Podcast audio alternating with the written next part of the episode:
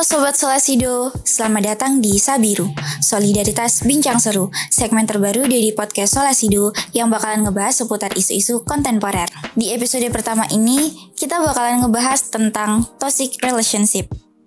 Widih, kayaknya bakalan relate nih untuk para sobat-sobat ambiar yang lagi galau sama masalah percintaannya. Sobat Solasido, pernah nggak sih mikir hal-hal kayak gini? Gue udah capek sama dia, tapi gue juga masih sayang banget dia kasar, sering main tangan, tapi kadang juga perhatian. Kalau nggak sama dia, gue harus sama siapa? Waduh, kalau pernah atau bahkan sering mikir kayak gini, jangan-jangan Sobat Solasido sedang berada dalam toxic relationship nih. Eh, tapi bentar deh. Dari tadi kita ini udah nyebut-nyebut tentang toxic relationship. Emangnya apa sih toxic relationship itu? Jadi, toxic relationship adalah hubungan apa pun di antara orang-orang di mana mereka tidak saling mendukung. Di, uh, di dalamnya terdapat konflik di mana yang satu berusaha menghancurkan yang lain ada persaingan, rasa tidak hormat, dan kurangnya kekompakan. Di dalam suatu hubungan itu tentu aja ya akan ada konflik atau masalah di antara individu yang terlibat. Nah, namun jika konflik tersebut terjadi dalam frekuensi yang cukup sering, maka bisa dikatakan itu bukanlah hubungan yang sehat lagi. Seseorang yang terjebak dalam toxic relationship uh, biasanya cenderung merasa tidak bahagia dengan hidupnya dan pasangannya. Biasanya seseorang yang manipulatif dalam hubungan toxic relationship ini selalu berusaha mengatur-ngatur hidup pasangannya. Misalnya, mengontrol uh, bagaimana pasangannya harus bersikap, mengatur bagaimana seharusnya pasangannya berpenampilan, kemudian posesif yang terlalu berlebihan seperti harus selalu memberi uh, kabar setiap kali akan uh, pergi keluar. Nah, biasanya jika tidak dituruti, uh, sang manipula manipulator ini akan bersikap pasif untuk membuat pasangannya merasa bersalah. Uh, atau biasa kita uh, bilang kayak playing victim ya. Nah hal ini jika terjadi uh, secara terus-menerus maka akan berdampak pada kesehatan mental si korban di mana uh, korban merasa tidak cukup baik untuk pasangannya.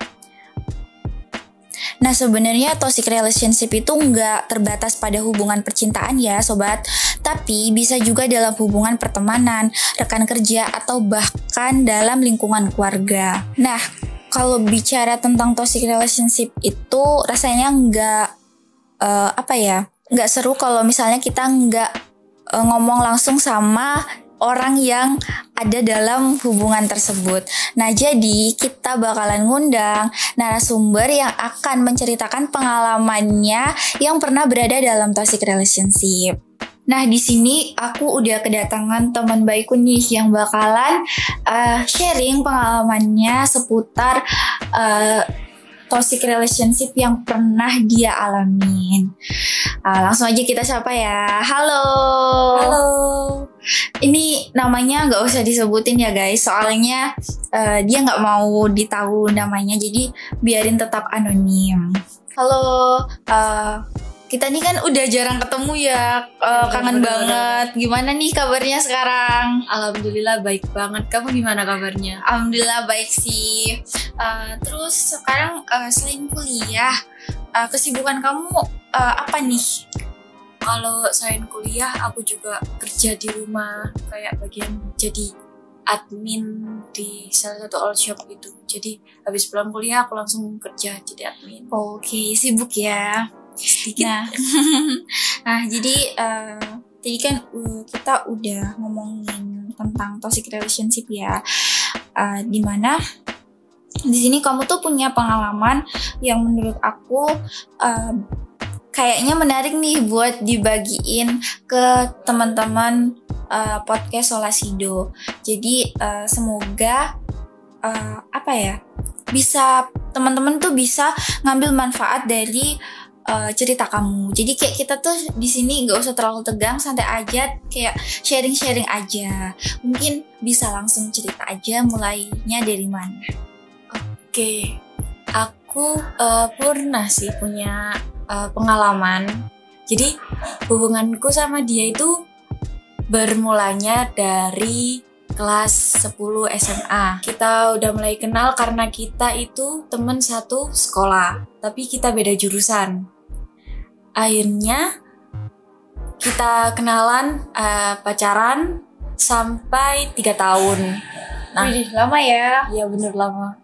Lumayan sih tiga tahun. Terus abis itu di dua tahun pertama itu kita baik-baik aja.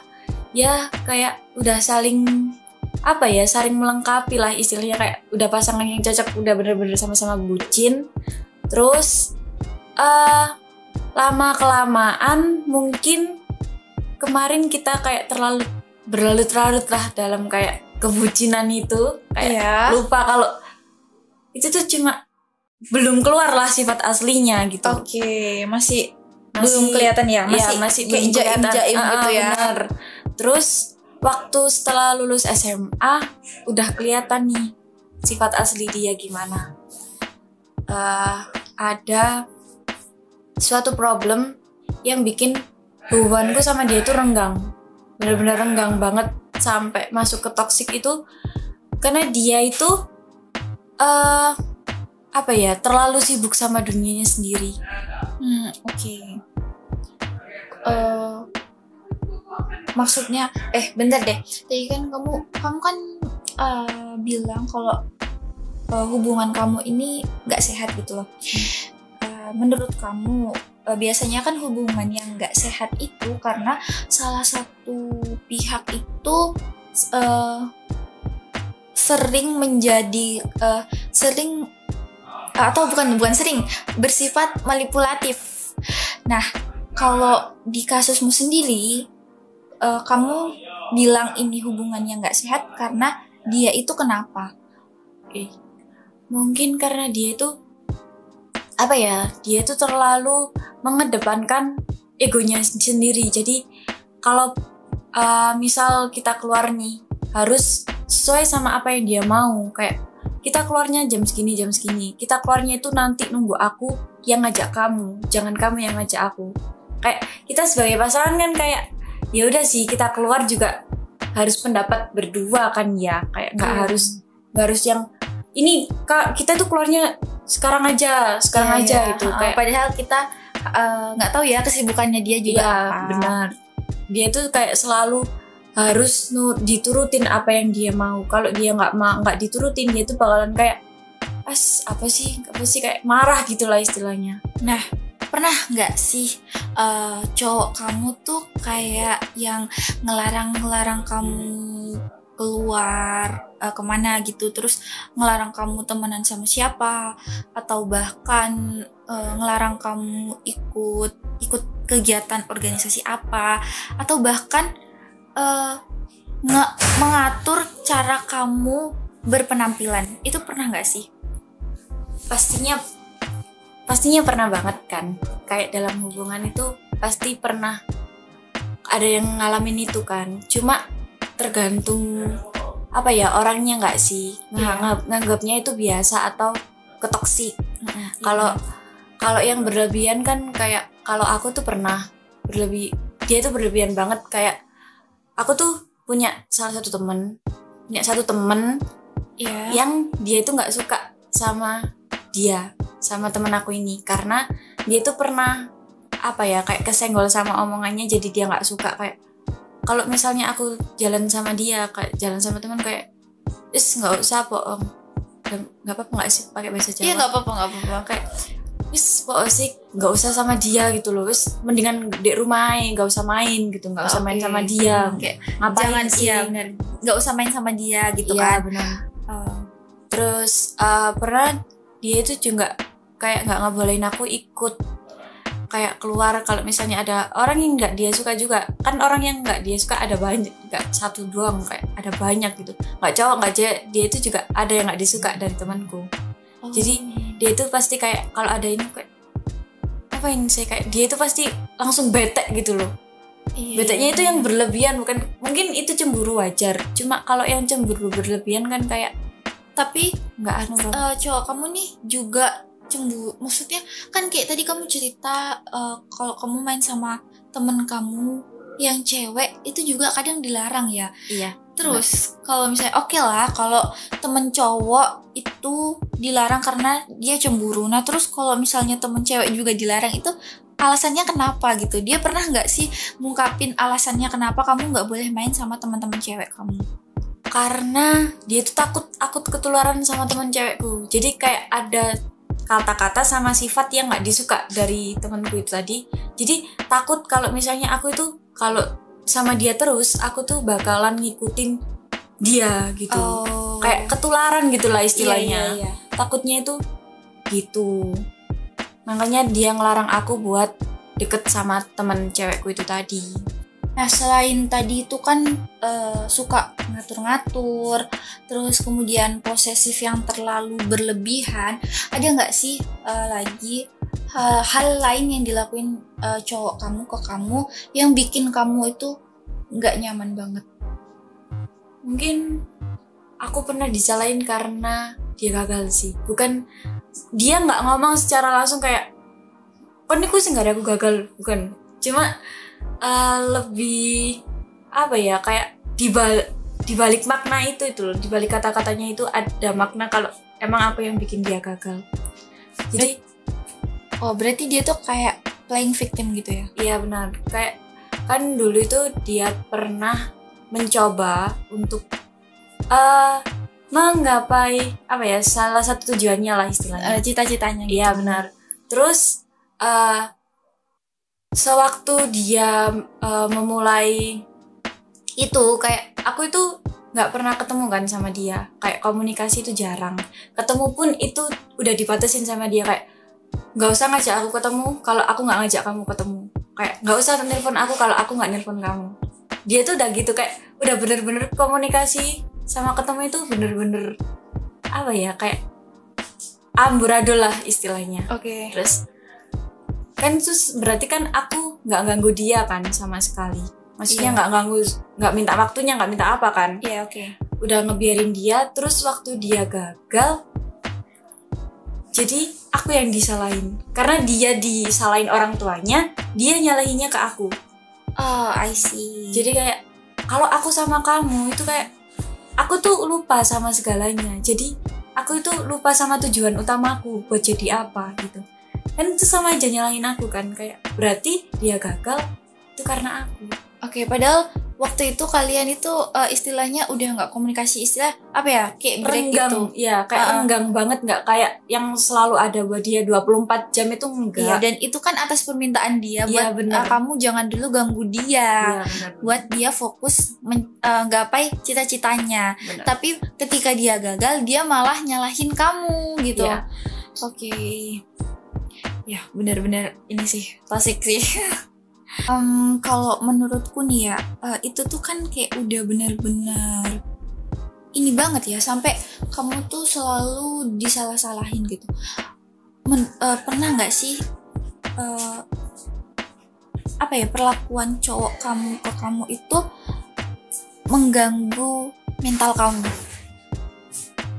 kalau mengganggu mental mungkin aku pernah sampai cutting sih Iya? ya benar cutting yang di tangan yang pakai jarum atau kaca itu. Iya. itu karena aku stres banget sama dia. Soalnya itu kan kita habis lost contact selama dua bulan. Terus aku berharapnya kan dia balik-balik kayak say hello hello aku balik nih gitu kan. Itu enggak dia itu malah kayak tiba-tiba langsung nyodorin. Percayaan kayak kok kenapa ya selama ini gitu kayak kamu ngapain nyalain, aja sama ah, ini? Oke. kayak nyalain kayak apa pun dek buriku ngapain aja gitu kan Oke. kayak apa ya eh, nyodorin pertanyaan yang eh kayak menjadikan aku itu kayak salah gitu loh padahal aku nggak ngelakuin apa pun Oh, oh, jadi kamu nuduh nuduh nuduh dituduh nuduh. selingkuh gitu maksudnya? ya aku dituduh selingkuh padahal dia yang per, dia pernah salah paham emang cuma itu udah masalah lama tapi di up lagi sama dia Oke, kayak di eh, apa ya? dibawa-bawa lagi Ah, gitu benar-benar. diungkit Di- lagi Diungkit-ungkit lagi. terus akhirnya udah semua ekspektasiku ke dia itu hilang kan kayak dia yang bakalan baik lagi dia yang bakalan kayak welcome gitu loh kayak aku balik nih aku Hmm, balik oke. ayo kita komunikasi lagi itu enggak itu yang bikin aku sampai cutting sih soalnya kecewa banget kan sama Oke. dia tuh stres banget itu waktu awal-awal masuk kuliah Oke, kamu benar-benar stres ya karena eh, kamu eh, ekspektasi kamu ke dia itu terlalu tinggi terlalu tinggi dan ternyata dia nggak bisa menuhin harapan-harapan kamu itu. Oke. Nah kalau dengerin cerita kamu nih ya, sebenarnya berarti kamu tuh eh, sadar kalau hubungan kamu itu udah nggak sehat gitu. Dia udah terlalu toxic sama kamu, udah banyak eh, membawa eh, apa ya sesuatu yang negatif dalam hidupmu. Tapi kenapa sih kok kamu masih mau bertahan dalam hubungan yang udah nggak sehat lagi? karena kan kalau cewek dalam berhubungan kan rata-rata pakai hati ya kalau cewek eh kalau cowok kan pakai logika nah kalau cewek kan rata-rata emang pakai hati. Jadi kayak aku mikirnya dia bakalan berubah. Kayak dia bakalan balik lagi sam balik lagi ke dulu waktu awal pacaran. Mungkin emang sekarang dia lagi berproses dia memang butuh waktu pendewas proses pendewasaan lah kita sama-sama sibuk. Jadi kayak oke aku ngertiin dia tapi ternyata nggak berubah. Oke. Mem- emangnya kamu tuh punya ini nggak? Oke, kamu mungkin menganggap dia bakalan berubah gitu. Tapi kamu punya nggak sih batas waktu kamu? Oke, aku bakalan nunggu kamu berubah sampai misalnya satu tahun gitu. Ada nggak sih gitu batasan sampai kamu buat mutusin untuk kalau misalnya kamu nggak berubah dalam waktu ini, aku bakalan cabut gitu. Ada nggak sih? mungkin kalau di estimasi waktu enggak ya mungkin lebih ke kalau aku bener-bener capek capek banget udah aku nggak mau ngerasain udah udah kesel sama dia udah ilfil udah udah pokoknya benci lah sama dia mungkin aku bakalan berhenti Oke, oke, kayaknya cukup sekian aja ya sharing kita eh, kali ini. Eh, terima kasih buat eh, kamu udah mau nyempetin datang dan cerita di podcast Salasido. Semoga eh, cerita kamu bisa eh, menjadi pelajaran buat teman-teman di luar sana. oke makasih juga udah mau menerima cerita aku buat teman-teman yang masih terjebak dalam hubungan yang toksik semoga kalian bisa segera keluar dan uh, menemukan uh, seseorang yang lebih baik kalau misalnya kalian berpikir kalian nggak nggak akan bisa dapat yang seperti dia ya emang kalian nggak akan dapat yang seperti dia tapi kalian pasti akan dapat yang lebih baik dari dia Oke, cukup sekian. Sampai jumpa di episode selanjutnya.